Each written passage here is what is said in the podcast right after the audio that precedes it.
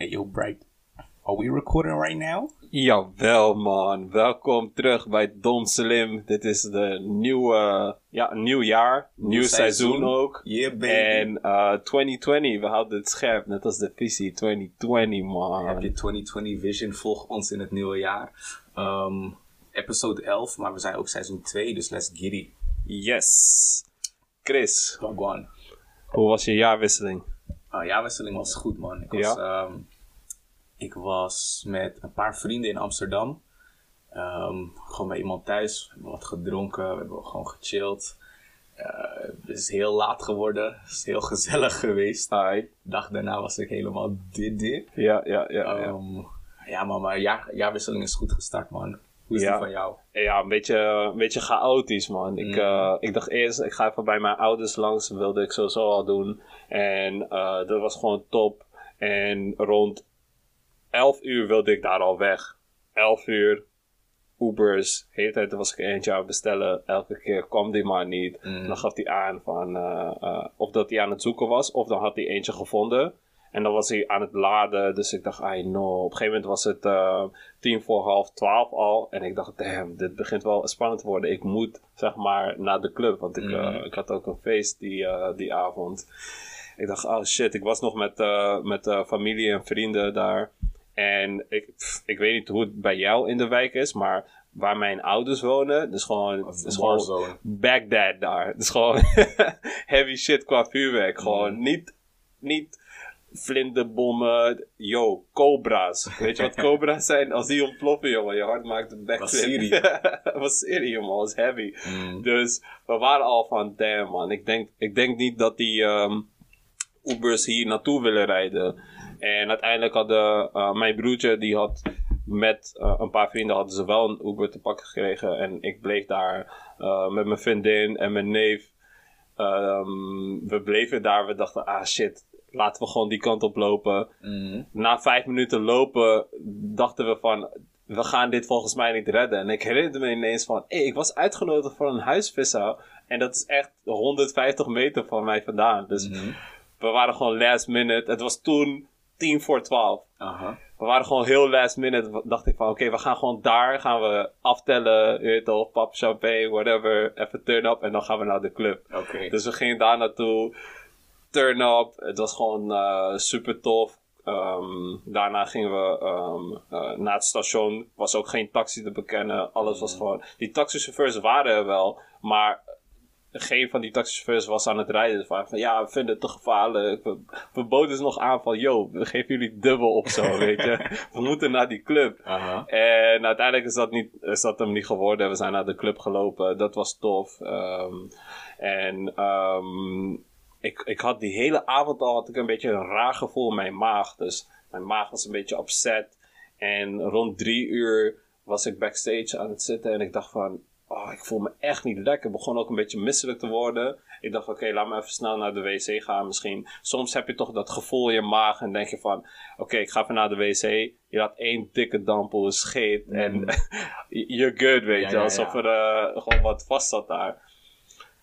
Ik kreeg ineens gewoon het gevoel dat ik moest kotsen. Ik, bro, gek, gekotst daar. Ik dacht, what the fuck. Ik was gelukkig in de wc, weet je. Ja, ja, ja. En ik dacht van, what the fuck. Maar terwijl ik kots dacht ik van, oh shit, ik moet volgens mij ook gewoon schijten. Ik dacht, I know, dit is toch, dit is niet te geloven. Ik, ik, na het kotsen, ik, ik ging op de wc zitten, ik begon gek te schijten, diarree. ik dacht, oh yo, I'm finna die. ik, ik ga volgens mij echt dit in, man. Ik dacht, dit kan toch niet. Weet je, het is echt gewoon de shit die je alleen in, uh, in van die scary movie parody video's ziet, mm. weet je. Dat het gewoon helemaal helemaal fucked up is. Dus ik dacht van, oh, I know, dit is wel echt een lekker begin van het jaar, weet je. En de dagen erna was ik nog steeds fucked up. Ik had 1 januari had ik helemaal niks gegeten. 2 januari drie sneetjes brood. Want elke keer als ik wat at, dan begon mijn maag weer helemaal Ja, gek te doen. Ik heb dat ook een keer Ja, echt. Dag nummer drie ook nog steeds, weet je. Uh, ik voelde me niet meer misselijk, maar diarrhea was gewoon aanwezig. was gewoon, de hele tijd was ik gewoon... Je woonde op die wc. Ik was echt op die wc, man. Ik, eh, ja, kijk, on the bright side of things. Ik heb wel gelijk mijn eh, eh, 2020 goal gehaald. Ik had een van, een van mijn voornemens was om een beetje wat gewicht te verliezen. Die deadbot was een beetje uit de hand aan het lopen. Ik dacht, oké, in de eerste twee, drie maanden wil ik wel even vijf kilo's eraf halen, weet je. Eerste, eerste week gelijk. Eerste drie dagen gelijk vijf kilo's gone.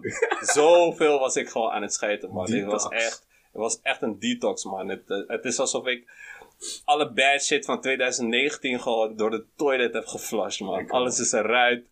en ik voel me ook pas sinds een paar dagen voel ik me beter. Aha. Ik was echt meer dan een week was ik gewoon echt ziek. En eh, ja, zo begon mijn 2020, man. Een beetje, een beetje rocky. Je, je begon het jaar gewoon shitting on these niggas. Ja. ja, precies man. Zo kan je het ook brengen. Dus het was een beetje eh, niet wat ik had gehoopt. Maar aan de andere kant, ik heb wel mijn fitness goal gehaald. Lekker, dus, man, eh, lekker. Ja man, van het een komt het ander. Wat jij vertelde over gewoon de wc-hitte, kotsen, schijten, diarree, alles. Ja. Ik heb dat één keer gehad en ik dacht die dag 100% dat ik zou sterven. Dit is geen grapje. is echt zo man. Ik was in Rwanda en ik, ik heb echt zware hooikoorts, maar Ja. ik ging daar naartoe in december en Mhm. dan denk je niet aan hooikoortsmedicijnen. Je denkt gewoon van, oh, het gaat daar Ah, lekker flexen, ja man. Zodra ik daar aankwam, de eerste, de eerste dag begon ik gewoon te snotteren en zo. En ik dacht, shit, hier heb ik last van mijn hooikoorts, heb ik geen medicijnen mee. Ik had, ik had daarover na moeten denken, maar hè, whatever, Ja. deal with it. Dus ik denk dat ik de eerste week helemaal geen issues had die serieus waren. Alleen af en toe een paar dagen dat je echt zwaar moet niezen, rode ogen. Mhm. Voor mij voelde het dus echt gewoon als hooikoorts. Ja. En toen sloeg het één dag om. Ik had hoofdpijn. Ik ben, één keer, ik ben twee keer bijna flauw gevallen. Ik hoorde zo'n piep in mijn oor. Zo, ja. alsof, Slow motion alles ineens. ik voelde mijn benen trillen. Ja. We waren die dag. ehm, ik, had, ik had gezegd: yo, ik wil heel graag naar het museum hier. Ik, ik, wil, ik wil gewoon iets van die history meekrijgen vanuit, het, eh, vanuit het museum. Dus we zijn volgens mij twee uur in de auto gezeten om naar het museum te gaan. Het helemaal zo'n klein plekje in het noorden.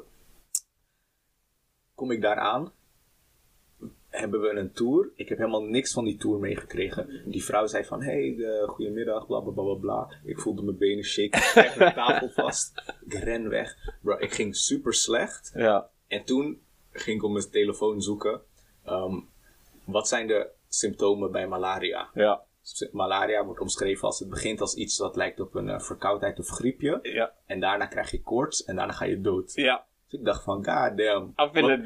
Wat ik, dus, wat ik dus zag als hooikoorts was gewoon het begin van malaria. Ik dacht van, Ja. ja. ik heb wel inenting gehad, maar voor malaria kan je niet inenten. Ja. Ik dacht helemaal van, shit, moet ik mijn ouders bellen van, ik denk dat dit het einde is. Like, ik was shaky. Ja. Oh man, maar toen, ehm, toen gingen we naar de apotheek om medicijnen te halen. Drie keer raden. Onderweg daar naartoe rijden we over een soort spijker of zo. Ja. Op een onverharde weg. Band kapot. Oh, nee. Staan we daar stil. Ik dacht echt, Jesus. Jesus Christ, I'm finna die! Ja, I'm gonna man. die, man! Maar ja, still here, thank God, we out here. Was geen malaria, maar ik, ik denk een bacterie of zo. Of Ja. iets verkeerds gegeten, I don't know. Maar I was stressing. Ja, ik begrijp je echt, man. Maar het zijn echt van die periodes die je hebt. Het gebeurt niet vaak, maar als het gebeurt, dan denk je van, yo, ik ga echt dit vandaag, denk ik, man. Want Mm. je voelt je gewoon, je hele lichaam is kapot. Je voelt je ook zo weak, weet je. Ja, Maar je vergeet gewoon hoeveel er goed moet gaan om Ja. je lichaam gewoon normaal te laten Zeker, functioneren. man. Zelfs als je Zeker. verkouden bent, dan denk je van, god damn, I really wish I could... ja, man. Gewoon met twee Hey, neusgaten. dan waardeer je ademen zo erg. hè. Ja. Als je echt snot, snot verkouden bent. En je hebt heel soms heb je zo'n moment dat er ineens alles open gaat. Ja, ja, ja, ja. En yo, euforie. Op dat moment denk je echt van... Yo, Weet je dit wat voelt ik zo goed. vind? Ja, Dan is één neusgat ver- helemaal verstopt. ja. En dan later op de dag, dan switcht het in één keer. Ja. En dan denk ik van, bruh, als je kan switchen, waarom doe je niet allebei? niet allebei, ja. Of je denkt van eentje is open. Nu kan ik misschien die voorzetten of die andere om ook open Ah. te doen. Maar nee man, gaat gewoon niet lukken. Het is echt... Ja, het is echt kleine een fucked up dingetjes, ja, man. feeling man. Maar eh, dankbaar zijn voor, eh, voor als je gewoon hier gezond bent. Ja, zeker, zeker man. Het is, ehm, het is ook, omdat het niet vaak gebeurt, denk je er niet aan. Maar op dat soort momenten denk je echt van, yo, eh, weet je wat ik soms ook in mijn hoofd krijg? Zeg, soms denk ik, hey, als er nu bijvoorbeeld een apocalypse is, ik ben dead. Ik ga het niet redden, man. Heb je dat nooit? Heb je nooit dat je denkt van, yo, wat als er nu een apocalypse zal zijn? Zal ik het redden? Ja of nee? Ik zeg je eerlijk, ik denk daar nooit aan. Nee? Nee, zo, ik, ik, ik heb dat soms, man. Dan denk ik echt zo van, oké, wat zal mijn plan zijn? Zal ik eerst richting mijn ouders gaan? Ehm, stel je voor, ik, ik, ik weet niet. Maar soms heb- eh, om daar do- eh, over door te gaan, hangt er ook vanaf wat er misgaat. Like, als er zombies komen, Ja. I'm trying to get some weapons. Ja. Als, eh, als er aliens komen, shit, ik probeer me te verstoppen. Als er een aardbeving of zo is, het hangt van de apocalypse af. Wat, wat zou jouw escapes, ja, escape plan zijn als het, als het zombies waren? Zombies? Dus wat zou het eerste zijn wat je deed? Nou ja, ik woon op twee hoog. Ja. Ik weet niet hoe goed zombies kunnen klimmen, maar I'm a stay my ass inside. Ja, ik heb eh, die World War Z gezien. Als ze met z'n allen, allen gaan stapelen, dan kunnen ze best wel hoog komen, man. Oké, eh, kunnen zombies zwemmen? Dat is, dat is eh, afhankelijk van wat voor zombie story Oké. je... eh, in, mijn, in mijn verhaal je kunnen ze niet zwemmen. baseren. Kijk, Ja. ik kan niet zo goed zwemmen, maar wanneer de zombies komen, I'm Michael Phelps in dit. iedereen, iedereen naar Terschelling, Texel. Ja, like, voor, voor, mijn, voor mijn huis heb je ehm, gras, weet je, gewoon een klein parkje. ja, En aan de andere kant heb je het grote park en daartussen zit water. Ja. Ik jump in het water en ik ga gewoon, ik, ik zwem tot ik in de zee ben. Ik Maar- slice een boot. maar dat grote park is geen eiland, toch? nee, het is geen eiland. Ja, dan lopen die zombies gewoon om om jou te pakken. Tenzij je gewoon de hele tijd van de ene kant van de oever erin springt, zwem naar Nee, de nee, nee, overkant. ik, ik blijf in het, in het water. Oh, je blijft in het water? Ja, Damn. ik- bruh, als ik in het water ben en zij daar niet in kunnen, Ja. dan stay my ass in there. Ik ga op zoek naar een boot, Ja. want er zitten daar veel boten. Kijken of ik eentje kan stelen. En Ja. dan skirt, skirt. Ik eh, drive de boot. Ik, ik begrijp het, man. Is Wat zou jij doen? Ehm, geen zombies, wat zou je doen als er aliens komen? Aliens. Yo, aliens zal wel echt lijp zijn, man. Ik denk dat. ehm, ik denk ook dat het een beetje afhangt van wat, ja, op, op wat voor soort manier ze komen. Als ze binnenkomen, je ziet gekke laserbeams. Gewoon World War 3 shit, weet je. Dan, ja, dan. Ik denk op dat moment niet van, oh, ik, oh, laat ik wapens pakken of zo. Want als er aliens naar aarde komen, dan zijn ze al zo ver geavanceerd in tegenstelling tot ons. Dat wat, wat gaan wij nog kunnen met onze, met onze gunnels? hey, dat weet je niet. Misschien kunnen ze wel reizen, maar zijn ze gewoon peaceful. Mm, ik denk niet dat je zo ver zou komen. Hoezo? Om, ik denk het niet, man. Ja, ze- misschien zijn ze wel peaceful. Maar als ze peaceful zijn, dan zou ik, ja, dan zou ik gewoon flexen. Dan zou ik zeggen, hey, yo. Hey, wagwan. Wagwan, ik heb hier een pokken voor jullie, man. Ik ken jullie Roddy Rich. I'ma get lazy. ja, ik weet niet, man. Ik, eh, ik, heb, ik heb dat soms, als ik bijvoorbeeld een eh, documentaire kijk. Ik had, ik had het dus laatst met de documentaire, die ging over ehm, hoe bepaalde landen bij ehm, overstromingen en tsunamis eh, de hulp inschakelen van eh, Nederlandse bedrijven en experts, omdat zij natuurlijk alles weten van waterkeringen. En dan denk ik soms van, oké, shit, als er nu een overstroming zou zijn, ik woon gewoon in Den Haag. Den Haag is echt by the beach. Dus wij gaan als eerst gaan we die, eh, Ja, man. gaan we die voelen, snap je? En ik woon, ik woon op twee hoog, maar ik denk dat het water net, net bij mij ook in het huis binnen zal komen. Want eh, wij wonen ongeveer Oh ja, want een paar is meter. zo, sowieso ja, man. onder zeeniveau. Ja, precies. Wij wonen echt een paar meter onder de zeespiegel. Mm, Maar ik denk dat ik, als ik het op het dak eh, kan komen, dat ik dan wel safe ben.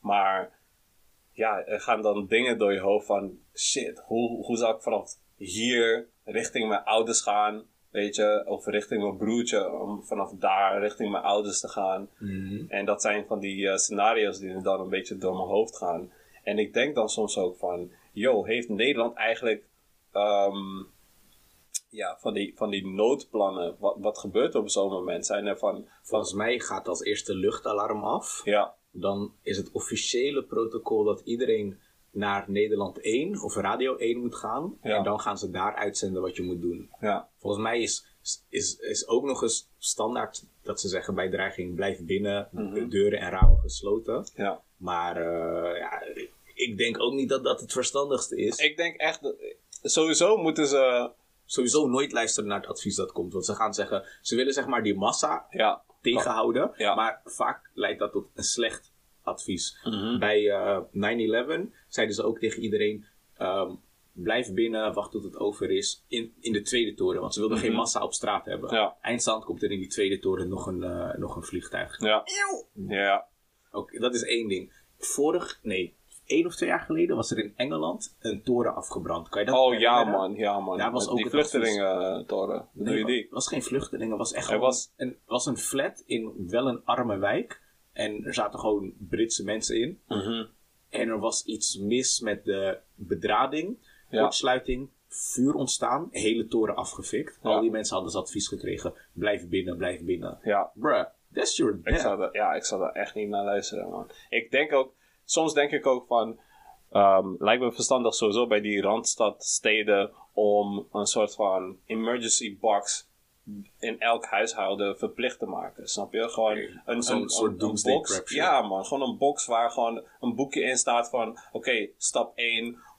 Stel je voor, ehm, er- iemand heeft zich gesneden aan iets. Hoe voorkom je een infectie? Dat soort dingen. Mm, En, uh, want het lijkt me wel leuk en 101. aardig dat het plan is om allemaal naar binnen te gaan en Nederland 1 te gooien. Maar als er ineens een 7, maat, eh, 7 meter water door de straten stroomt, lijkt me echt. eh, ik bedoel, ik heb nu al een probleem met fucking Ziggo. Laat staan als er 7 ma- eh, meter water ligt. Hoe gaan we tv kijken? Die shit Ja, ja, ja. gaat volgens mij wel fucked up, snap je? ja, ja, 100. En, ehm, ja, en dan zit je dan zonder tv.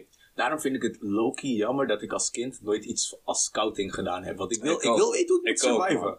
Ik wil, ik wil weten hoe ik vuur moet maken. Ehm, waar ga ik shelter vinden. Gewoon allemaal dat Ze soort moeten shit. sowieso, de onderwijs moeten ze gewoon even eh, to the 180 jungle. graden draaien, man. Want we leren dingen allemaal leuk en aardig, eh, algebra. Maar eh, waarom leren we niet... wat, ga ik, wat ga ik op dat moment doen met, eh, weet je, alle rekensommen die ik... Plot even een grafiek en ga op zoek naar, naar X. lijkt me echt verstandig als ze gewoon, weet je, middelbare school, in plaats van dat ze Duits verplicht maken, dat ze gewoon een survival course of zo eh, verplicht maken. Survival course hoeft niet doomsday iets te zijn, maar kan ook gewoon how to survive life. Hoe doe je je belastingen? 100. Weet je, dat zijn dingen die oh, hoe voorkom je schulden? Hoe, ehm, hoe, hoe koop je een huis? Snap je? Dat zijn dingen die je gewoon als volwassene eh, zelf moet gaan uitvinden. Of je moet naar een adviesbureau, mag je lekker ook voor gaan dokken. Snap je? Maar ehm, uiteindelijk is het zo dat we heel veel shit leren waar we uiteindelijk niet zoveel aan hebben als eh, de dingen die ik net noemde. Snap je? Ik dat zijn echt de essentials. Maar tegelijkertijd denk ik ook... Kennis is in onze tijd heel makkelijk te vinden. Dus dan hebben we ma- maar een eigen verantwoordelijkheid om er achteraan te gaan. Like, Ja, ik wil dit jaar een EHBO-cursus doen. Want ik denk gewoon... Dat, dat is iets wat je eigenlijk wel zou moeten weten. Like, Ja. Eerste hulp bij ongelukken. Stel je voor, er gaat echt iets fucked ups. En dan. Ben je in de positie om iemand te helpen. Ja. Maar je weet niet eens wat je moet doen. Waar moet ik beginnen? Maar wat jij net zegt over dat, die, eh, dat de informatie zo makkelijk te verkrijgen is. Het is, ook, het is ook zo dat heel veel mensen niet eens weten hoe belangrijk be- bepaalde dingen zijn. Totdat ze ehm, of al in de problemen zitten. Ja, true, true. Of helemaal niet eens weten hoe ze die problemen kunnen ehm, ja, je minimaliseren. wat je nog niet weet. En als Precies. je eerst zou weten wat, wat voor kennis je nog mist, dan Ja. kan je er daarna pas over leren. Precies, precies. Nee, dat is zo. Maar ik denk, ik, ik geloof gewoon niet, dat is meer mijn persoonlijke overtuiging, dat een overheid, een regering, dit soort echt nuttige dingen Mhm. op nationaal niveau zal instellen, zodat elke burger de belangrijke dingen in het leven geleerd krijgt. Maar ben je het wel eens dat het een goed idee is? Ja, niet dat ze 100. het gaan doen. Ik maar- 100 procent. Oké, het zou, oké, ja, zou is- moeten. Dan zitten we op dezelfde lijn, man. Ja, Ik, eh, over, je had het net over scouting en ik dacht aan een eh, film die ik laatst heb gezien. Twee dagen terug heb ik eh, Parasite gezien. Mhm. Parasite is een Koreaanse film van de regisseur die ook Train to Busan heeft geregisseerd. Daar heb je die gezien? Over, maar Ja. ik heb ze allebei niet gezien. Dat is, die Train to Busan, hele zieke film. Maar dat scouting element, Mhm. als je die film hebt gezien, ga je ineens gelijk doorhebben van, yo, inderdaad heel goed als, we, als ik vroeger op scouting heb gezeten of zo. Want ja, laat ik maar erover ophouden voordat ik die film, die film voor je ga spoilen. Maar Mhm. die film is echt een aanrader. En voor de luisteraars ook, check die film. Parasite heet die. Over, de, oké, over dingen die we hebben gezien. Ik heb gisteren een miniserie op Netflix afgekeken. Er bestaat er maar uit drie afleveringen. Bruh. Het heet Don't Fuck With Cats. Ja, ik heb er nu heel veel over gehoord. Ik ga, veel. ik ga een klein beetje, klein beetje uitleggen waar het over gaat. Klein beetje spoilen, maar Ja. ik ga geen gekke details droppen. Spoiler alert. Yo, oké, het is een documentaire die heet Don't Fuck With Cats. En dan denk je, waarom die titel? Het, het gaat allemaal om een filmpje dat een paar jaar geleden op internet is gedropt. Ik kende het filmpje niet, maar daarin zie je een jongen. Hij vermomt zichzelf best goed. Die ehm, een kitten doodmaakt. Mhm. Er komt er een groep mensen die, eh, ja, outrage op dat filmpje. Ze worden kwaad. En ze hebben als doel, we gaan erachter komen wie die jongen is. Ze starten een Facebookgroep en ze gaan allemaal aan hun FBI, CIA shit. Ja. Ze gaan gekke clues vinden. En vanaf daar ontwikkelt het verhaal. En dit verhaal is eigenlijk zo absurd dat als je het in een film zou zien. En het zou een goede film zijn, dan denk je van wow, hoe de fuck ben je hierop Ja. gekomen? Maar phew, brain is blown. Maar dit was gewoon allemaal real life. Het begint met een Real life. real shit. like, het begint met een filmpje waar een kat wordt vermoord. En het gaat in drie afleveringen krijg je gekke plot twist. op Ja. plot twist. Hey G. Hard. Ik ga checken. Ik Ja, ga man. checken, man. Kijktip. Ik ga checken, 100%. Ik heb al eh, echt iets van 10 mensen erover horen praten. En, Ja. eh, ik ben normaal gesproken als mensen mij suggestie geven om iets te kijken, Mhm. ben lazy. Ja, ja, ik confession. Ik heb de Joker nog steeds niet Oh gezien. ja, maar je bent ook een joker, daarom. Ik heb hem wel inmiddels al gedownload op mijn laptop. Dus ik kan hem elk Ja. moment kijken dat ik wil. Maar Check het, man. Check het. gewoon, ik heb geen urgentie. Ik ben nu heel excited over... eh, heb je eh, die eh, short documentary genaamd Chernobyl gezien? Er staat ook al helemaal gedownload klaar. Die Gewoon moet je heel, ja, die moet je checken, man.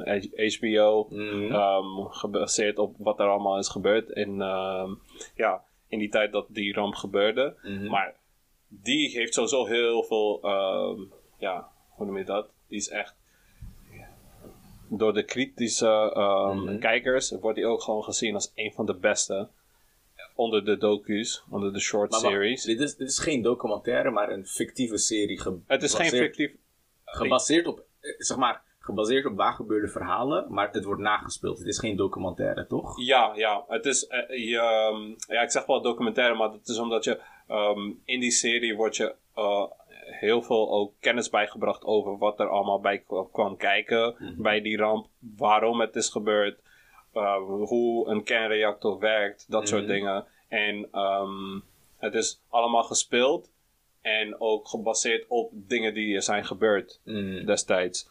En zij gaan dus nu ook eentje maken over eh, eh, de Yakuza in eh, Japan. En ik kan er echt niet op wachten, man. Interessant. Yes, yes. Maar eerst moet je Chernobyl checken. Komt goed, bro. Komt goed. Ik denk zo waarschijnlijk april. ik had nog gehoopt, je gaat zeggen, ja, waarschijnlijk al eh, eind van deze maand, volgende week ergens. Ja, goed, april. Nou, eh, april in eh, de language van Chris is gewoon volgend jaar ergens. Ja, dus uh, verwacht hem Domsrim seizoen December. eh, 19 dat hij de, Ja, dat hij de film heeft gecheckt. Je had het net over, je vroeg, denk je wel eens over wat zou ik doen als er nu een apocalypse of zo komt? Mhm.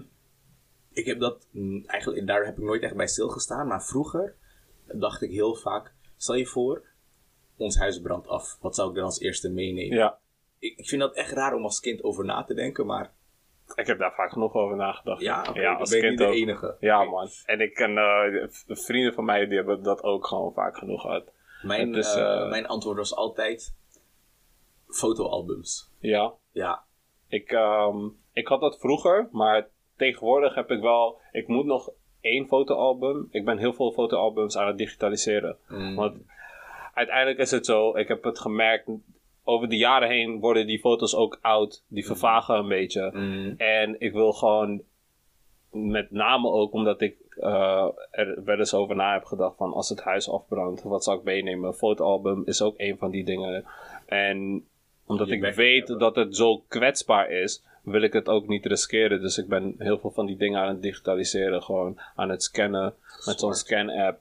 Zodat je gewoon eh, alles ook gewoon een backup hebt. Mhm. Want wat, wat ik echt heel jammer vind, is ook bijvoorbeeld dat er in mijn kindertijd dat er niet zoveel foto's zijn, weet je. Mm. Kids die nu worden geboren, of eigenlijk al sinds wat 2000, Mm. Yo, je kan gewoon hun hele le- leven kan je gewoon volgen. Het is gewoon documentaire. Ja. Je kan gewoon zien vanaf het moment dat ze klein zijn. Bro, er zijn kinderen, Tegenwoordig, er zijn kinderen die eigen Instagram hebben. Ja. Besef. besef man, het kind wordt geboren, heeft nog fucking, nog net geen navelstreng.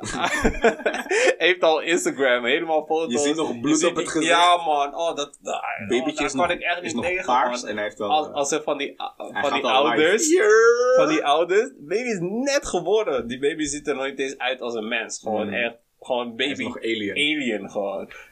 Je ziet die mensen al foto's maken. Oh, kijk wat een schatje.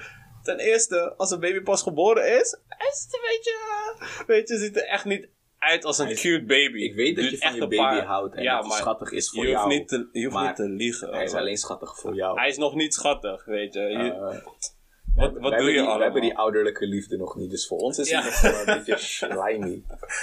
Eindstand, wij hebben later ook kind, iemand zeggen, waarom post je die foto? Ik zeg, hé, hey, het is mijn kind, man. Je wordt helemaal boos. Ik, ik, ga, ik denk dat ik dat gewoon totaal niet ga doen. Laat me Ik ook niet, man. Privacy. Ik ook Ik niet. gun ze. Ik denk dat ik het sowieso, ehm, ja, ik, ik, ik ga, ik ga misschien wel posten over het feit dat mijn kind is geboren, maar ik ga niet gelijk allemaal foto's van mijn eh, baby online zitten gooien. Ik weet niet, man. Ik, ik vind dat nog te intiem. Sowieso in de Mhm. eerste paar, eh, eh, paar maanden, snap je? Mhm. Ik, ehm, ik zal dat sowieso vermijden. I feel you. Baby's, man. Wat, wat zou jij redden als, dan? als eerst... Die ehm, foto's heb je al als backup. mm, Nu, ik zeg je eerlijk, vroeger, dat was toen ik bij mijn ouders was, ik dacht aan fotoalbums. ja, Nu op mezelf denk ik gewoon, ik zou een broek aandoen en kijken van mijn ik telefoon ook. Ik zou misschien mijn favoriete patta's of zo meenemen. Maar dat is, dat is ook omdat... ehm, Misschien mijn lappies. vroeger, vroeger was ik ook inderdaad... Oh, ja, laptop en dit en dat. Maar tegenwoordig zit, eh, maak ik ook zoveel backups. Mm. Heel, heel veel van mijn shit zit ook gewoon in de cloud. Cloud. Dus I'll be safe. Maar ik zal, ik zal waarschijnlijk. Ehm, ja, sowieso mijn telefoon meenemen. En. Ja, ik, ik, ik zou eigenlijk zo snel mogelijk het huis uitgaan, man. Ik, Mm. ik denk niet dat ik zoveel materiële dingen heb waar ik echt aan vasthoud op dit moment. Mhm. En dat is omdat ik er wel eens vaak over na heb gedacht. En dingen heb gedaan ehm, zoals het digitaliseren. Zodat ik Je bent al minder pressure zal hebben op dat moment, snap je? Ja. En eh, ja, ik, er, is, er zijn nu niet heel veel dingen die ik eh, gelijk mee zou nemen. Ik denk ook alleen telefoon en broek voor Ja. praktische redenen. Precies. Ik zal meer denken van... Ah shit, ik hoop dat ik op dat moment een, überhaupt een broek aan heb. Snap je? Dat niet die laatste... Dat ik eindstand drie seconden mis omdat ik mijn broek aan probeerde te doen. Mm. En ik straks dingen ga, snap je? Oh ja, ik wil ook niet straks op straat gaan wachten en kijken hoe mijn huis afbrandt met alleen een shirtje, weet je. dat lijkt mij meer fucked up, snap je? Nou ja, als je in je boxer buiten staat en het huis brandt af, heb je wel gelijk open haartje. Het is lekker warm. Ja, maar je weet gelijk, al die mensen, al die sensatiezoekers, je gaat gelijk live op Instagram en Facebook. Ja. Look at this naked man. Wat, wat gebeurt daar, man? Shit. Ah, man. Over brand gesproken. Ja. Had je gezien? Australië heeft om in bosbranden en zo. En- Yes. En een gebied groter dan België staat in de fik. Ja. En er was een dame met het geniale idee om haar nieuws te verkopen voor het goede doel. Ja, ik heb het gezien. Ik heb het op Twitter gezien. Je hebt Voor gekocht. de... Nee, ik heb niet gekocht, man. Heb jij gekocht? No. ja, ik wilde net zeggen. ik, eh, ik zag het inderdaad viral gaan eh, op Twitter. en ehm, toen ik die tweet van haar zag, Mhm. ik weet niet, eh, het had iets van 6000 eh, retweets, dus het was best wel vroeg. In, Mhm. En een paar dagen later zag ik dat ze al iets van 100.000 had eh, ingezameld. En ik dacht van, damn, dit gaat hard. Volgens mij zit het nu al bijna tegen een miljoen wat, wat Ja, er is opgehaald, hè? Toen, toen, Echt eh, sick. Toen ik erover hoorde, iemand vertelde me daarover, toen stond het op 100k. Ja, En toen ik het later nog een keer opzocht, was het al 57. ja. En dat is ook alweer een paar dagen terug. Dus het kan makkelijk over een miljoen dollar zijn. Oké, oké. Maar ga je nu ook OnlyFans-account openen om Australië te Om helpen? te verkopen. Ja, Ja, als, mensen- mij willen zien. als er buyers zijn. Hey, als, er, hey, als er publiek is, Ik ging- ik ging- aanbod. Ik ging stuk, man. Want ik zag dat er ehm ehm, eh, pornstars, Aha. vrouwelijke pornstars, daaraan mee gingen doen. Die echt in die edit industry eh, Mhm. zitten. Die gingen eraan meedoen. En ik dacht van, oh, waarom wil iemand een... Een naked picture van jou kopen terwijl ze gewoon alles al hebben gezien, weet je? Wat gratis online. staat allemaal, allemaal detail in 4K staat het al online. 4K. Maar ja, dan zou je 20 euro dokken voor een assenfoto terwijl je is alles voor de al... koala's. Ja, voor de koala's, man. Dat, dan denk ik liever van, eh, ja, doneer het gewoon rechtstreeks. Ja, eh. Kijk, van die, die chick die, die nog niet eens bekend was of zo, Mhm. zij heeft gelijk een carrièreboost ook. Fact. Zij wordt waarschijnlijk ook aangesproken door studio's van, yo, eh, gaan we hiermee verder of eh, wil je nog meer guap maken? Maar ja, we support these, these uh, environmental queens. Toch? zeker, zeker man, zeker. Laten we een OnlyFans dom slim.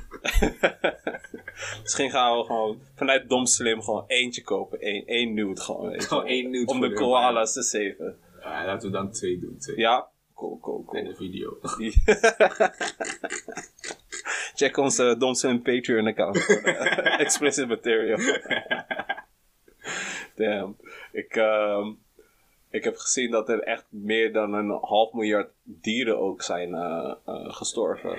Door de bosbranden. Dat is echt heel sick. Half miljard. Ja, man. 500 miljoen. Ja, man. Dat is dan te veel. Ik, ehm, ik bedoel, misschien ook wel. Misschien wordt Australië een beetje veiliger daardoor, omdat minder crocs, minder eh, giftige slangen aanwezig nu. Ja. Maar eh, ja, die, eh die koala. hey, koalas zijn, zijn sterk, hè? Ja? Koalas zijn echt, want het zijn beren ook, hè? Koala beers. zijn- zijn kleine maar, beertjes. Maar zijn kleine beertjes, maar ehm, ik, was daar, eh, ik was daar een documentaire over aan het checken. Want toen ik die berichten zag over koalas, dacht ik van... Ik weet eigenlijk niet genoeg over koalas. Dus Mm. laat me even een documentaire over checken. Ze hebben echt een hele zieke grip. Omdat ze... Ja, ze hebben echt sterke muscles. Ze Mhm. verbranden ook niet zoveel... eh, ehm, Calorieën. calorieën, omdat ze ja, ze zijn best wel zijn lazy, lazy. animals, I'm weet je. lazy. Maar het zijn, eh, het zijn best wel sterke dieren, man. Onderschat ze niet. Klein, Bruh, maar sterk. Ik zag gisteren een filmpje van hyena's. Mhm. En hyena's die vallen soms dieren aan in het wild. Ja. Die groter dan ze zijn. Eigenlijk Ja. best wel vaak. En ze hebben een bepaalde strategie. Ik wist niet eens dat dit gebeurde in de natuur, maar het shit is real. Ze bijten in de ballen van dat dier. Wat? Ja, ze bijten in de balzak. Ze jenken het eruit. En dan wachten ze gewoon tot die doodgaat van de pijn. Wat? Groepje hyena's op een buffalo of op een leeuw. En hyena's hebben echt een super enge lach. Ze, Ja. Bruh, als je een groepje 20, 30 hyena's op je af ziet komen, je hoort dat. En je bent gewoon een big ass animal. Ja. Je kan wel op ze afstormen, maar ze cirkelen je. En probeer er gewoon een paar onder, van achter te komen. En dan happen in je ballen. Ja. Zijn is filmpjes dat ze die echt janken. Je ziet het bloed eruit springen. Damn. En dan wachten die uh, hyena's gewoon tot dat dier neerstort. Want the shit is hurt as a man. Hoe, hoe is dat in die evolutie, eh, evolutie gegaan? Dat ze dachten van, hey, die ballen is gewoon een weak point. Die is nuts. Die is nuts. Daar moeten we gewoon voor gaan. Waarschijnlijk is het gewoon herkennen in jezelf wat je denkt van dat pijn zou doen. Mhm. You ever get- je hebt ooit een, een punch in je balzak gekregen. Ja, ja man. En Ja, oké, eh, mental note voor de volgende keer. Als iemand, als mij- iemand mij aanvalt, Joep. hit hem in de balls. Ja man. Het is, eh, als je er zo over nadenkt, want de hyena's zijn echt fierce. Het zijn Mm. echt fierce animals. En ehm, nu je hyena's zegt, denk ik ook aan die, eh, aan die clip van Casanova. Dat hij naar eh, Nigeria oh, ja, was. Ja, ja, ja. Met En toen dacht ik erover na. Toen dacht ik, hey, in Afrika zijn er gewoon genoeg landen waar mensen hyena's gewoon ook hebben, gewoon als dieren. Gewoon om mee te flexen, snap je? Mhm. Je moet je voorstellen, je hebt een hyena als Met een huisdier. Crazy ass melkwoord. Crazy, je kan dat ding niet loslaten. Ja, maar En je kan het ook niet temmen, denk ik. nee, Alleen- het is een wild dier, man. Like, Zulke Je, dieren kan, je kan geen temmen. respect krijgen van een hyena. Daarom, al, al als er een boys op je chick loeren, zijn het hyena's like respectloos. Niet te temmen. ja, toch? Eh, ja. Het is, eh, als je er zo over nadenkt, denk je ook van... Mensen hebben echt scheid, hè. Want Hmm. eh, in, dit, dit heb ik ook van Joe Rogan. Hij had het over, in Texas Mhm. zijn er meer tijgers dan de rest van de wereld in het wild. In Texas. In Texas. Tijgers of Tijgers. alligators of zo? Tijgers. Huh? More tigers than in the wild all over the world. En eh, Maar waar dan? waar, Als- dat, als- als- want Texas sowieso is tante huge. ja, dat daar. klopt. Maar ehm, dit zijn eh, tijgers in gevangenschap, hè? Oké.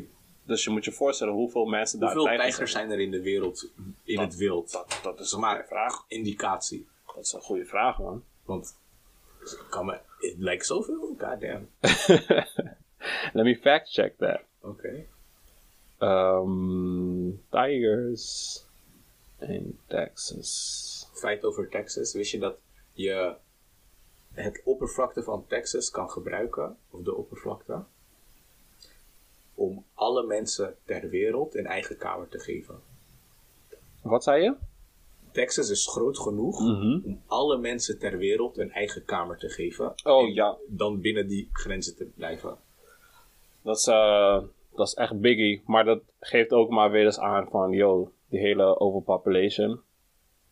Het is, eh, het is maar hoe je erover denkt. Ja, maar, maar komt omdat mensen hebben wel hun eigen leefruimte, maar dan moet je werkruimte erbij nemen. eh, ruimte die ze gebruiken voor agriculture, al die shit Mm. bij elkaar. Aan het eind van de dag, als je ernaar kijkt, weet je hoeveel grote gebieden gewoon, dat, die zijn gewoon leeg. Ja, maar het is niet dat, dat de wereld te weinig plek heeft voor de mensen. Dat is niet wat ze bedoelen met overpopulation. Ja, ja, maar Het is het, dat de wereld zorgt ervoor dat er te veel mensen op één gebied willen wonen, te veel van de resources gebruiken, know. het uit balans is. Dat is het idee precies. Maar je kan, het, ja, je kan die balans er- erin houden door efficiënter voedsel te produceren, Ja, efficiënter om te gaan met, met je waste, ja. snap je? Dus Maar die- uiteindelijk, Kijk, kijk, wij wonen in Europa. Kapot, kapot veel mensen op echt een relatief klein gebied. Mhm. Als je Europa dan nog eens gaat inzoomen op waar de meeste mensen wonen, allemaal een beetje richting het westen, waar Ja. de money goed circuleert. Ja, hier krijg je misschien het gevoel van, het zijn er te veel. Maar wie de fuck wil er nou op de tundra wonen? ik zal wel op de tundra willen wonen. Ik geloof er niks van. Ja, jij helemaal niet. Jij, jij bent zeg maar, jij bent zo, zo dependent aan technologie. Bro, op, Maar de tundra, dat- op de tundra kan je niet flexen met, Hey, met YouTube. maar dat, nee, dat is het. Zo, zodra, Duty. zodra die, eh, die population begint uit te breiden. Ja, je gaat- Het is niet dat die population uitbreidt en de technologie alleen in Nee. één gebied blijft. Ze gaan alleen jou op de tundra zetten. Nee. Ziggo, Ziggo komt niet naar je toe voor bereik en shit. Je gaat gewoon, hé, hey, wat ga ik doen? Oh man, moet je je voorstellen, Ziggo heeft nu al slecht bereikt. En we zijn hier gewoon, weet je, in het westen. Dit, dit is waar het goed hoort te gaan. Laat staan op de bruh. Eén bar gewoon. 1 kb per seconde internet. Eén tweet laden duurt gewoon een half uurtje. Je kijkt een YouTube filmpje, hij buffert in 360. ja, het zou, wat, wat, zou, wat zou voor jou een plek zijn, ehm, ergens op de wereld, wat nog niet, waar nog niet echt mensen wonen, waar je wel graag zou willen wonen, als je moest kiezen? Ehm, ik heb dan, nou, ik, ik heb geen locatie die ik je kan geven in- als een stad of dorp, maar ik kan het wel omschrijven. Ja, Het hele jaar door, lekker weer, beetje aan het strand, weinig mensen. Iets wat eigenlijk een hele populaire toeristenbestemming zou kunnen worden, mhm, maar dat is het niet. Dus misschien eilandje ergens in het Caribisch gebied, gewoon easy life. Mensen doen alles chill, er is geen haast. ja, Dat zou ik wel doen. ja. Dat zou ik wel doen. Ik denk, ik denk dat je sowieso wel. eh, anti of zo was. Of uh, Jamaican in je previous life, of niet? maar gewoon rustig aandoen, G. Ja, toch. In feite gewoon Curaçao zonder de madness. Ja. Oh, zoiets zou, hey, ik zou echt wel... Ik zou het zelfs oké vinden om op zo'n afgelegen gebied te leven. Dat je geen vliegveld op het eiland hebt. Ja. Dat je met de boot naar het grotere eiland moet Juist. gaan om daar je vlucht te catchen. Juist, juist. Dan ga je echt alleen als het nodig is. Mhm. Snap je? Maar Ja. dat zeg ik wel sprekend vanuit mezelf. Ik heb geen kinderen. Als ik wel kids zou hebben, dan zou ik daar weggaan. Want je moet ook denken aan de toekomst van je kinderen. En op zo'n klein dingetje heb je volgens mij niet echt ehm, dezelfde kans om je te ontwikkelen. Mhm. Zoals je hier hebt waar veel mensen zijn. Ja. Wat is, ehm ja, als ik, als ik er zo over nadenk, want nu jij dat zegt, is dan voor jou een beetje het ideale klimaat is een beetje rond de 26, 27 graden, zoiets toch? Als het, als het niet kouder wordt dan 20, Mhm. ben ik goed. Het hoeft niet in de 30 te chillen, maar gewoon Ja. Die 20 als ondergrens. Ja. Oeh, sweet. Ben je gewoon safe. Ik zeg je eerlijk, ik zou ook ongeveer op zo'n locatie zitten, man. Maar waarschijnlijk aan de andere kant van de wereld. Mhm. Ik ben ehm, twee jaar terug was ik naar Bali. En daar was ik naar een eh eilandengroep eh, gegaan, genaamd de Gili-eilanden. Mhm. Gili Air. Dat eiland, daar kan je gewoon 15 minuten kan je gewoon om dat hele eiland kan je heen fietsen. Oké. Dus lekker klein. Daaromheen zitten nog een paar eilanden. Maar het water daar is strak blauw.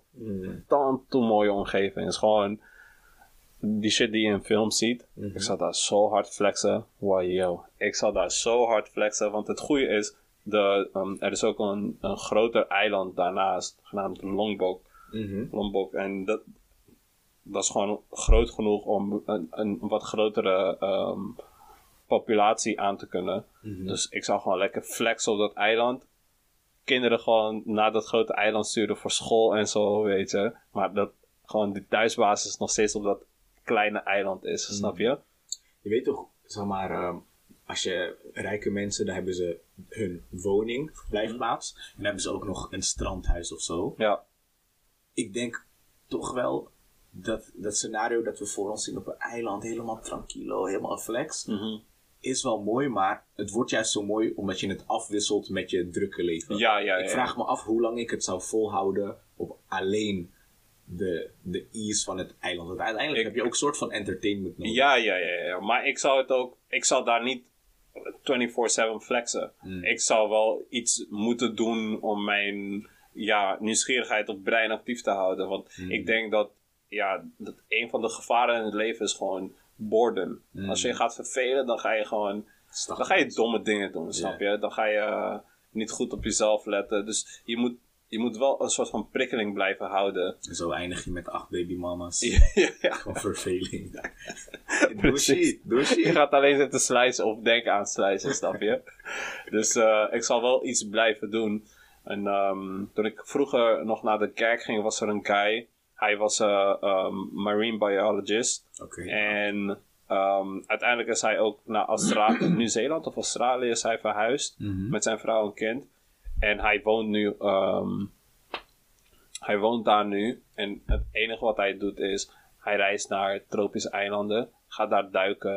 Een beetje onderzoek doen naar... ehm, ja, naar dat... eh, dat- die leefomgeving. De, de vissen... ehm, het koraal. Hoe die het daar kan beschermen. Dat is gewoon nog steeds gewoon zijn werk. Mhm. Maar dat lijkt me wel echt een soort van dream job in zo'n scenario wat ik net heb gezegd. Mhm. Snap je? Dat je gewoon, want daar is ook gewoon heel veel koraal. Daar zijn gewoon zeeschildpadden, dolfijnen, al die shit. Dus ik denk dat ik daar wel of daar kennis over zou vergaren. Of op de een of andere manier dat, eh, dat gebied zou proberen te beschermen. Mm, Ja, man. maar sowieso, ja.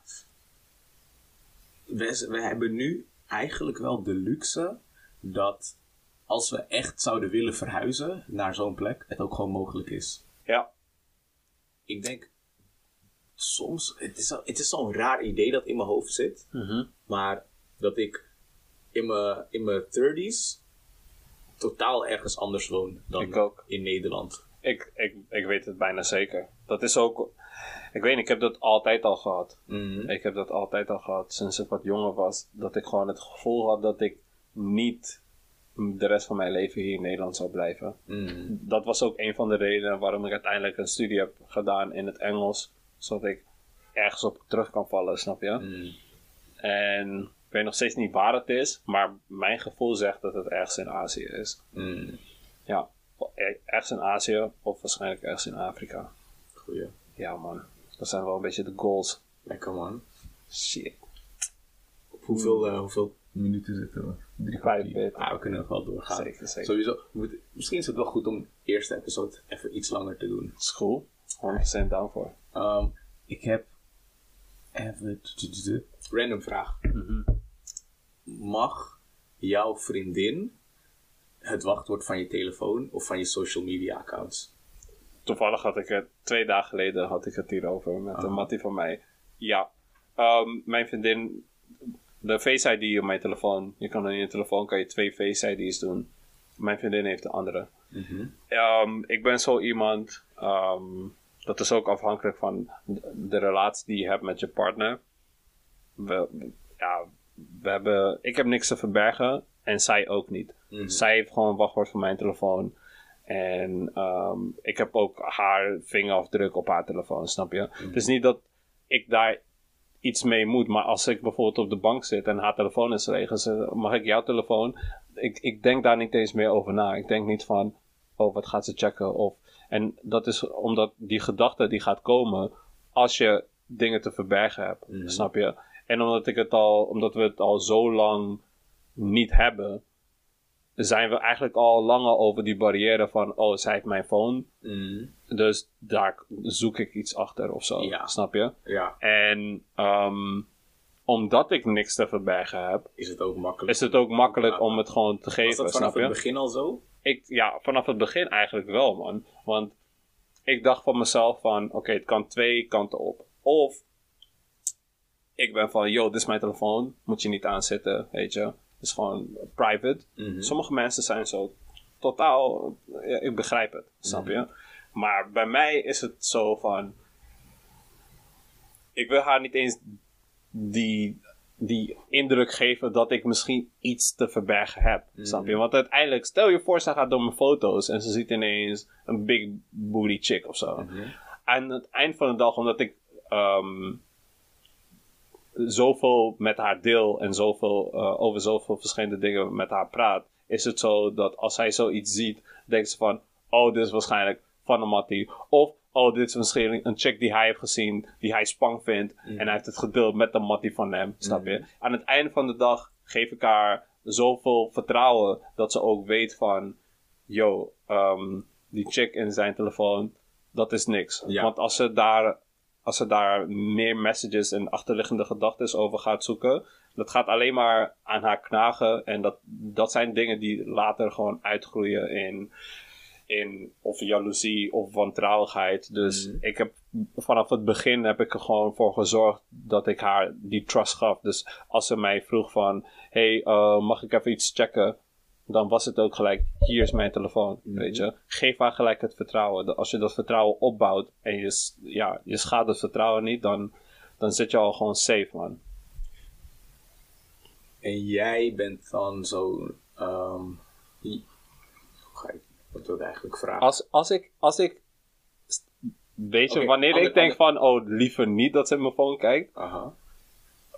Ik heb soms, dan scroll ik op Insta, dan zie ik ineens een ad van iets. Iets gewoon, iets leuks of zo, wat ik voor haar zou kunnen kopen. En ik heb, eh, ehm, ik kopieer die link en zet het in mijn notities onder eh, het mom van Valentijns cadeaus of birthdays cadeaus. Dus ik bewaar dat soort links. Ik ben eerder bang dat ze zoiets ziet dan dat ze een big booty, weet je, eh, ergens op mijn Insta vindt.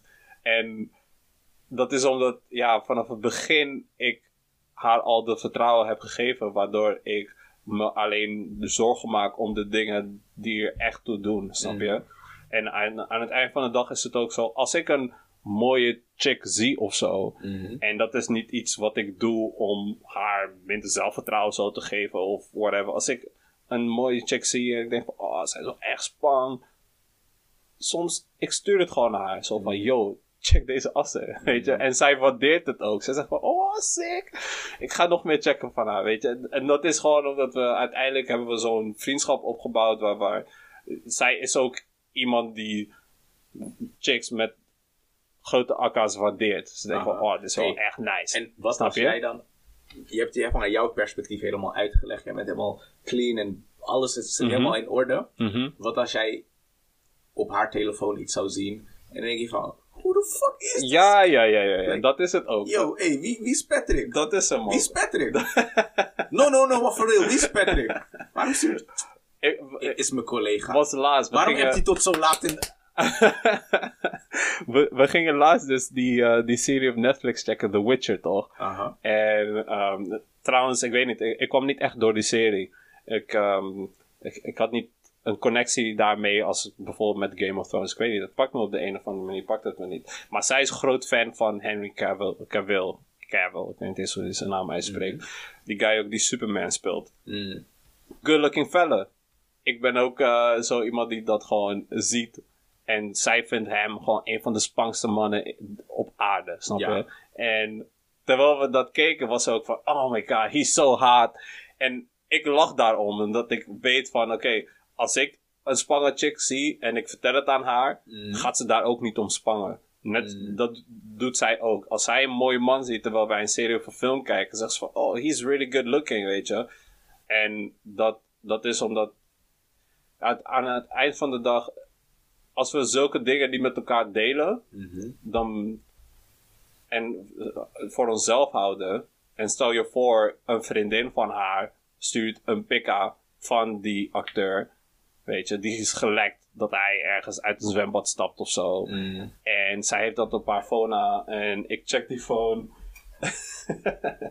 Komt ineens een hond binnen. Hier van een vriendin, eh, vriendin van ons. Maar zij, zij heeft dat op haar phone. En ik zie het. En ik zeg: Oh, wie de fuck is dit? Waarom kijk je hier naar? Dat zijn dingen die.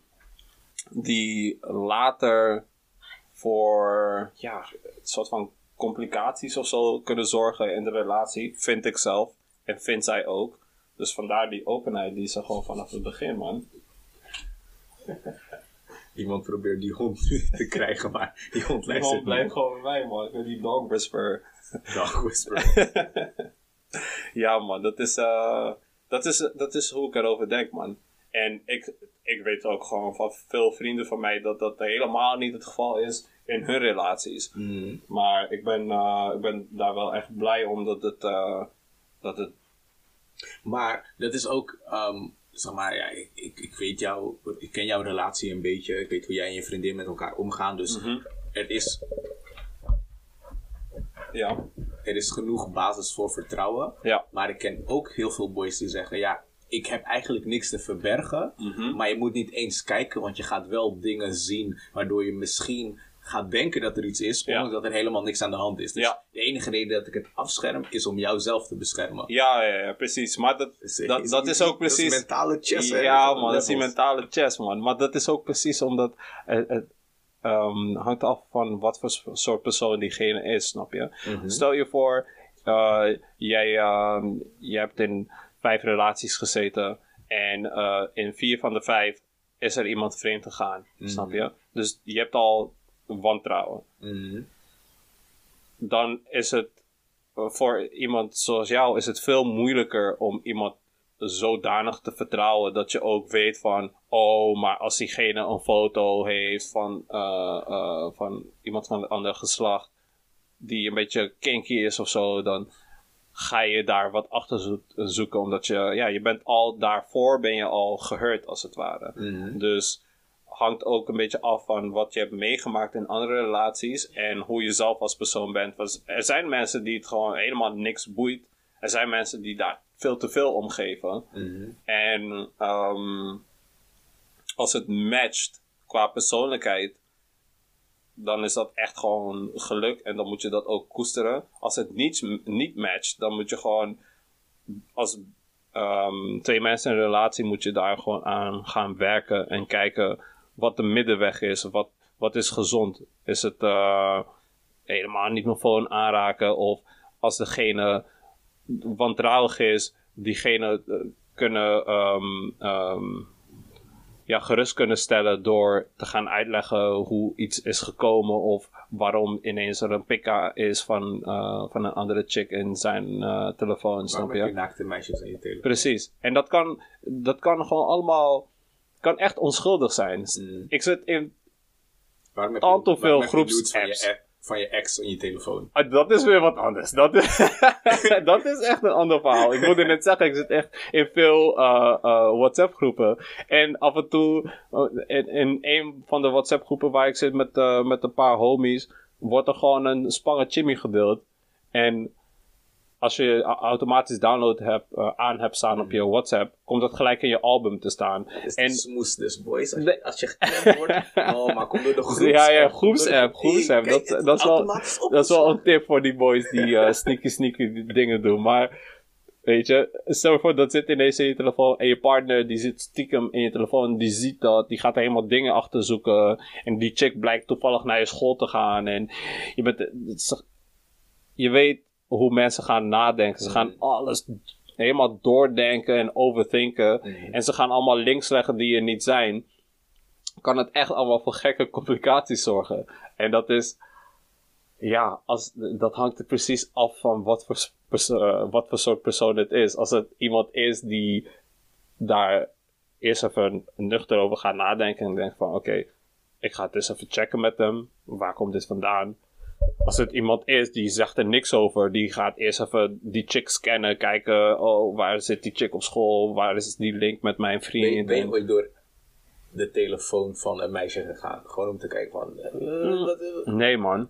Ik, eh, ik ben ook zo iemand. Ik denk zo van: als ik dat ga doen, dan ben ik ook aan het zoeken naar dingen. Mm, fact. Ja, je, je, je, vraagt, je vraagt gewoon om problemen. Misschien zijn die problemen helemaal niet, Mm. maar je vraagt er gewoon om. En uiteindelijk is het zo: als je elkaar echt goed kent, door en door, dan merk je ook als er iets off is. Snap je? Als je, dan merk eh, ik, ik zal dat wel merken. Ik, ik zeg niet dat, eh, dat ik fucking helder zien ben, maar ik zal, wel, eh, ik zal het wel merken als mijn vriendin anders begint te doen. Snap je? Dan zal ik haar gewoon vragen stellen. Maar ik ben niet iemand die gelijk in haar phone gaat zitten checken van oh wie is dit en dat. Want aan het einde van de dag, weet je wat het ook is man. Aan het einde van de dag, als mensen dingen willen doen, kan je ze niet tegenhouden. 100. Ze kunnen dat.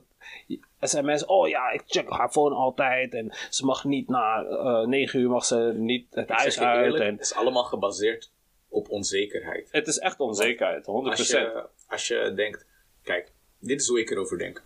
Je, je, je bent met elkaar op basis van een bepaalde mate van vertrouwen, of een bepaalde hoeveelheid vertrouwen. Mhm. En dan moet je, ehm, je moet zeg maar dat vertrouwen als basis hebben. Ja. Als je dat al niet hebt en steeds gaat zoeken, dan ga je nooit werken aan het krijgen van vertrouwen. Ja, ja. Want ik, ik zeg je, iemand, zowel man als vrouw, die de ander ervan verdenkt en gaat zoeken en niks vindt, Mhm. dan gaat hij denken, oh hij heeft het alleen maar beter verstopt. Of Precies, het alleen maar precies. verstopt. En je gaat constant daarin zitten. Ik denk, Het- if, I, if I don't know it, I don't care. If I don't see anything that's messed up, boeit het me ook niet. En als ik wel iets zie dat fucked up is, dan ga ik er niet zelf op zoek naar, maar dan is het meer op basis van hoe jij je gedraagt. Precies, en zo kunnen mensen gewoon een soort van downward spiral kunnen ze terechtkomen. En eh, dat is ook iets wat, ehm, wat ik in een documentaire had gezien over bepaalde eh, politiekorpsen in Amerika. Daar ging het over.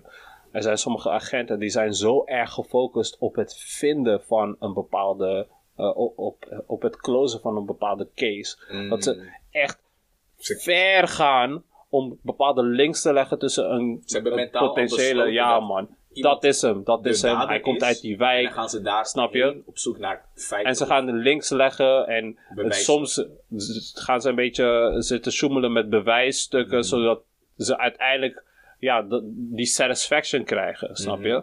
En dat werkt volgens mij ook zo in relaties. Uiteindelijk ga je dingen blijven zoeken. Want als je, als je uiteindelijk helemaal geen foto's of tekst vindt of whatever. En je vriendin is ineens van: hey, eh, ik heb, eh, vrijdag heb ik een borrel met werk, dus ik, ik kom later thuis. En je hebt, je hebt al zoveel dingen gezocht en je kan nog steeds niet die link leggen. Zou je toch ook denken van, oh, ze gaat naar een borrel. Misschien is het iemand van werk.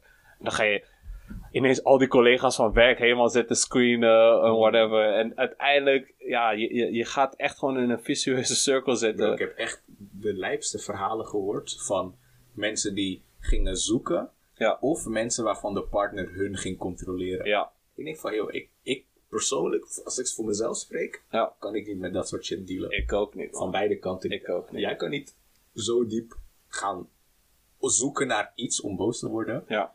En ik kan niet zo controlerend zijn. En, like, bro, dat is some toxic shit. Ja, zeker man, zeker. En daarom probeer ik ook, voor zolang ik het kan, haar vertrouwen nooit te, scha- eh, te schaden, snap je? Want bedoel je zolang jij het kan? ik bedoel, ik kan niet in de toekomst kijken, snap je? Mhm. Dus ik probeer vanuit mijn kant, probeer ik eh, die, eh, die relatie zo goed mogelijk te houden, snap je? Dus ik ga er alles aan doen om haar gelukkig te houden. En ehm, ik, ik ga er ook alles aan doen om niet in haar business te gaan, snap je? Want uiteindelijk zijn we gewoon mensen, snap je? Je weet nooit in wat voor soort situatie je komt, waardoor je ehm, eh, ja, bijna ehm, geleerd wordt om toch misschien een kijker te nemen, omdat je met zoveel twijfel zit. En stel je voor, je hebt net een rocky eh, periode gehad met, eh, eh, met je vriendin. En er komt een moment dat haar telefoon daar ligt. En er, er is al zoveel gaande dat je denkt van, oh, laat ik maar even in die telefoon gaan. Dus, ik, dus zo probeer ik te zeggen van, ik probeer zolang als ik kan haar dingen gewoon met haar te laten. als je, wat als je meid... ehm, dus is- dus wat als je meid, zeg maar, degene is die haar telefoon voor jou wilt afschermen? Mhm. Dus je leert elkaar kennen, alles gaat goed. En dan,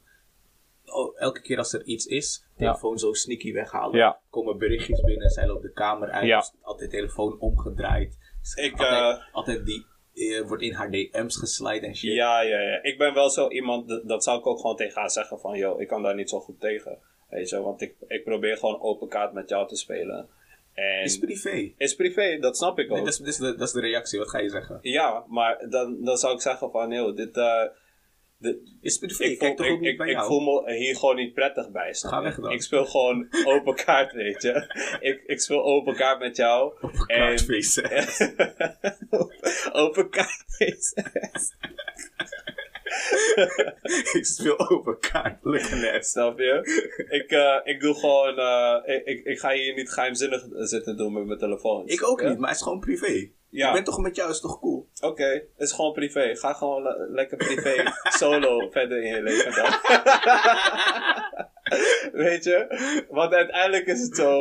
Ik, ik probeer gewoon met iemand te zijn waar ik gewoon alles mee kan bespreken, snap je? Ah. Ik bedoel, ik heb soms eh, momenten gehad dat zij mijn telefoon wilde en ik zeg nee. Weet je? En dan, dan was het ook omdat ik gewoon net een browser open had, omdat ik iets aan het checken was voor, eh, voor haar, snap je? Als een surprise of iets.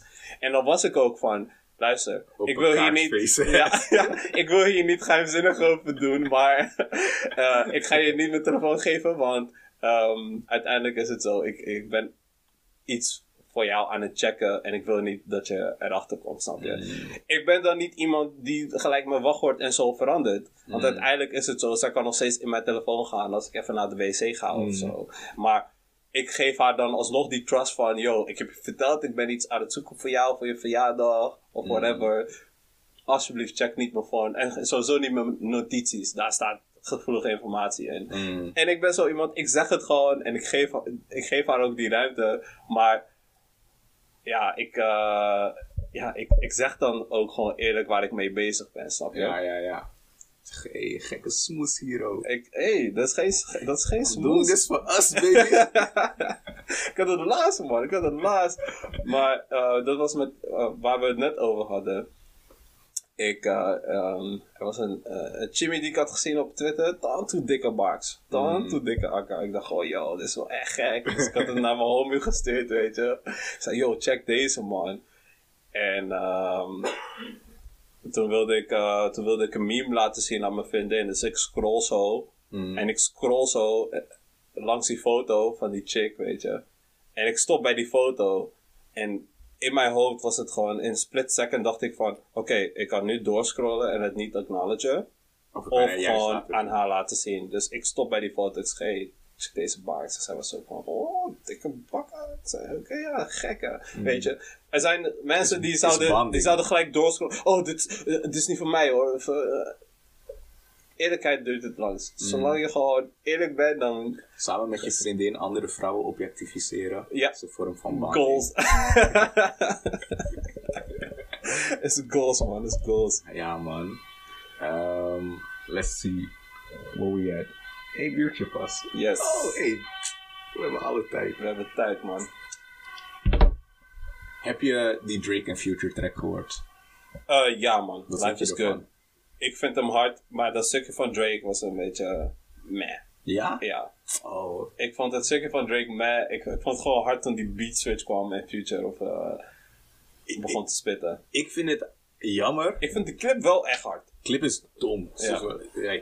Clip is dope, track Ja. is dope. Het enige dat ik jammer vind, is dat ehm, ze twee tracks op één nummer hebben gezet. Mhm. En ik zou eigenlijk willen dat ze beide hadden gesplitst. En dat stukje waar Drake op komt en een beetje zingt, dat daar nog een Future verse op zit met Ja. dezelfde beat. En dat tweede stuk waar Future gaat rappen, dat daar nog een Drake verse of hoek op zit met dezelfde beat. Ja. Gewoon, ze zouden hier twee tracks van moeten maken. Klopt, ben ik met je eens man. Ik, Want ik, vind had beide ook het, fire. Precies. Ik, eh, ik vind dat van Drake vind ik eh, eh, niet zo goed, omdat het niet past bij dat stukje van eh, Future. Mhm. En daarom ben ik het met je eens. Als het aparte tracks waren, dan had ik waarschijnlijk die, die tune van Drake had ik waarschijnlijk wel goed gevonden. Mhm. Maar omdat het zo, ja, ik weet niet, out of place is Mhm. met Future, vond ik het wat minder. Dus, Ik ben eh, benieuwd of, eh, of dit gedropt wordt als gewoon een future single. Dat is wat ik zelf denk. Of dat er uit het niets een What If Time to Be Alive deel 2 komt. Ik denk dat ze sowieso een deel 2 gaan droppen. Ja, dit Ja. jaar? Ik denk het. Komende, komende drie ma- maanden? Want dan zou dit de eerste single zijn. Mm, Ja, ja, Ja. ik denk het. Hey, ik denk dat ze. Ja, ik denk dat ze hem sowieso voor juni gaan droppen. Oké. Zodat, het, zodat een paar van die tracks echt een beetje de zomer gaan domineren. Oké. Ik zou het graag willen zien. Mhm. Ehm, ik denk het zelf niet, maar hey, ik, ik word graag verrast. Want wat, wat vond je van eh, dat Drake een, eh, een eh, drill pokoe heeft gemaakt? War. Wat vond je van die track? ik vond het mediocre. Ja? Ja, ik, ik vond het niet zo hard, to be honest. Ik vond het wel hard, man. Ja? Ja, ik, ehm, Drake is echt culture vulture number one. Ik, ik zou het niet eens culture vulture noemen, maar hij weet gewoon wel echt elke keer een beetje de, wat, wat popping is qua muziekstroom. Weet hij echt wel te pakken. Mhm. Op de een of andere manier ook eigen te maken met die sauce van het originele. Mhm. En daar eh, een, een harde track van te maken, man. Dat heeft hij gedaan toen eh, op een gegeven moment Afrobeats echt popping was, met dancehall. Hij heeft het op alles heeft gedaan. Echt Hij, alles, hij ziet een wave en hij denkt, laat me hierop springen. Ja, man. En hij doet het vaak goed. Toen ik dat interview van hem zag met rap, eh, van Rap Radar, Mhm. toen werd het ook eh, echt een stuk duidelijker over hoe hij over bepaalde dingen denkt, man. Mm. Hij denkt echt gewoon, hij denkt stappen vooruit, snap je? Ja, moet wel. Hij is ook punt. iemand die eh, bepaalde, bepaalde beefs ontwijkt. Omdat hij daar. ehm, ja, hij ziet gewoon dat het met zijn, met zijn missie gaat moeien, snap je? Mhm. En eh, daar heb ik wel respect voor, 100% man. Hij is wel echt. eh, er zijn heel veel mensen die eh, op hem haten. Vroeger vond ik. Vond ik luisterde ik niet veel naar hem. Ik luisterde wel veel naar hem als, als hij echt hits dropte die bekend waren. Maar dat is ook omdat je er gewoon. Je kon er gewoon niet omheen. Mhm. Maar ehm, ik, vind, ik vind hem wel een, een, een dope artiest. Maar ik weet wel van mezelf dat hij niet, nog steeds niet dope genoeg is. Dat als hij weer een, een optreden heeft, dat ik een kaartje koop voor zijn optreden. Snap je? Ja, ik heb, ik heb Drake nu best wel vaak gezien. Ik denk misschien drie keer. Oké. En als hij nog een keer komt, ja, ik hoef hem niet per se nog een keer live te zien. Ja. Misschien als de situatie goed is, leuke mensen, of dat hij een nieuw album heeft waarvan ik denk, deze tracks moet ik live checken. Ja, Maar los daarvan, als Drake een album dropt, check hem, kijk hem vrij snel nadat hij uit is. ik ook. Ik, ook. Eh. ik ben wel al, altijd benieuwd wat hij gaat brengen. Ja, en niet alleen maar. ehm, aan de ene kant omdat ik ook gewoon vind dat hij vaak gewoon met eh, goede tracks komt op zijn album. Maar aan de andere kant ook omdat hij. ehm, hij wordt best wel gezien als degene die soort van de hip-hop cultuur. De soort van de ambassadeur daarvan, Ja. de grootste artiest. Dus ik vind het ook gewoon interessant om te kijken wat hij met zijn. eh, welke keuzes hij maakt om op zijn album te zetten. Ja, ja. Als hij een volgende album, eh, als hij volgende album alleen maar zou bestaan uit drillpokoes, dan denk ik van oké, hier, hier maakt hij wel een soort van statement, Statement. van dit is de wave. Ja, ja, ja. Sowieso gaat dat dan niet gebeuren, maar precies om die reden is Drake gewoon interesting om te volgen. Dat interview was ook wel interessant om te checken. Ehm, een beetje, ja, aparte guy wel. Zeker, zeker. Maar hij ook- zit ook in een, een rare situatie, weet je. Hij is, eh, Hij is zo hij is iemand... dat hij eigenlijk nooit meer een, eh, een goed album kan maken, omdat hij voor de massa doet. Hij, stel je voor, een album heeft 12 tracks, dan doet hij vier, zeg maar, de pop tracks, Mhm. dan doet hij nog drie, vier R&B-achtige tunes, en dan nog eens drie, vier rap tracks, Hij- en dan probeert hij ze zo te combineren Hij, dat hij heeft dat ook in dat eh, interview heeft hij het erover gehad. Dat hij gewoon altijd... Hij is de enige artiest. En dat vind ik ook. Dat die altijd een album maakt. Wat beide kanten. Een beetje de smooth kant. En een beetje eh, de, hij vibe kant. te, verschillende, te veel verschillende ehm, fanbases Fans, die hij ja. allemaal moet eh, bevredigen. Ja. En daardoor heb je als eindproduct nooit iets waarvan je denkt, yo, fire. Ja. Hij is nu al te groot geworden. Ja. Maar ook... Dat betekent niet dat hij daar in die shit ge- geen goede tracks dropt. Want op al zijn albums staan wel een paar bangers, Er zitten ja, altijd wel echt een paar bangers. Hij zit, ehm, maar hij zit in een rare situatie, omdat hij zit nu... De afgelopen tien jaar staat hij gewoon on top. Ja, Maar tien jaar consistent on top staan, dat is wel echt... Moet je je voorstellen hoeveel pressure hij voelt. Mm. Snap je? Als hij een album eh, aan het maken is en eh, hij twijfelt over bepaalde tracks. Voor hem is het echt zo van, damn, als deze tracks niet lekker gaan en het album flopt, dan, dan ga ik gewoon hoge snelheid ga ik naar beneden. Mm. Omdat hij zo lang zo hoog zit, snap je? Mhm. En eh, ik heb daar wel echt respect voor, man. Ik heb daar echt respect voor. Er zijn heel veel artiesten die daar gewoon onder lijden en hevig aan de drugs gaan, snap je? er zijn mensen die al, als hun eerste album het goed doet, dat ze dan al te veel Ja. pressure hebben voor die Dat tweede. ze denken van, hoe ga ik mijn eerste album overtreffen? Mhm. Precies, en laat staan eh tig albums verder. ik zelf zou echt geen. eh, kijk, los van het, dat het plaatje van de lifestyle me doop lijkt. Een artiest zijn lijkt me zo'n onzeker bestaan. Want als je, ehm, zeker in gewoon hip-hop eh, genre, gemiddelde lengte van een carrière is misschien vier jaar. En daarna is het best wel, ben je best wel falling off. Ja. Het is zo lastig om consistent een carrière op te bouwen. Mhm. En ehm, het is zo onvoorspelbaar dat de massa of de fans die jouw muziek moeten consumeren, fokken met je nieuwe product. Ja.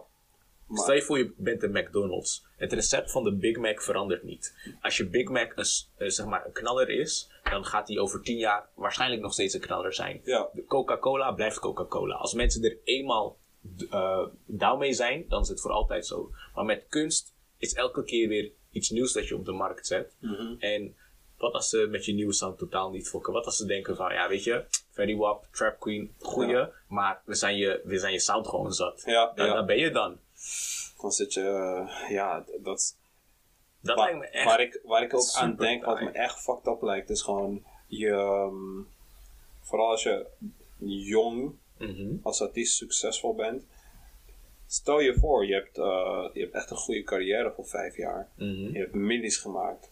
En je denkt van, ik wil er nu een punt achter zetten. Er zijn gewoon heel veel artiesten die zijn, of die zitten nog vast aan een labelcontract, waardoor ze nog minimaal vier albums moeten droppen of zo. Mhm.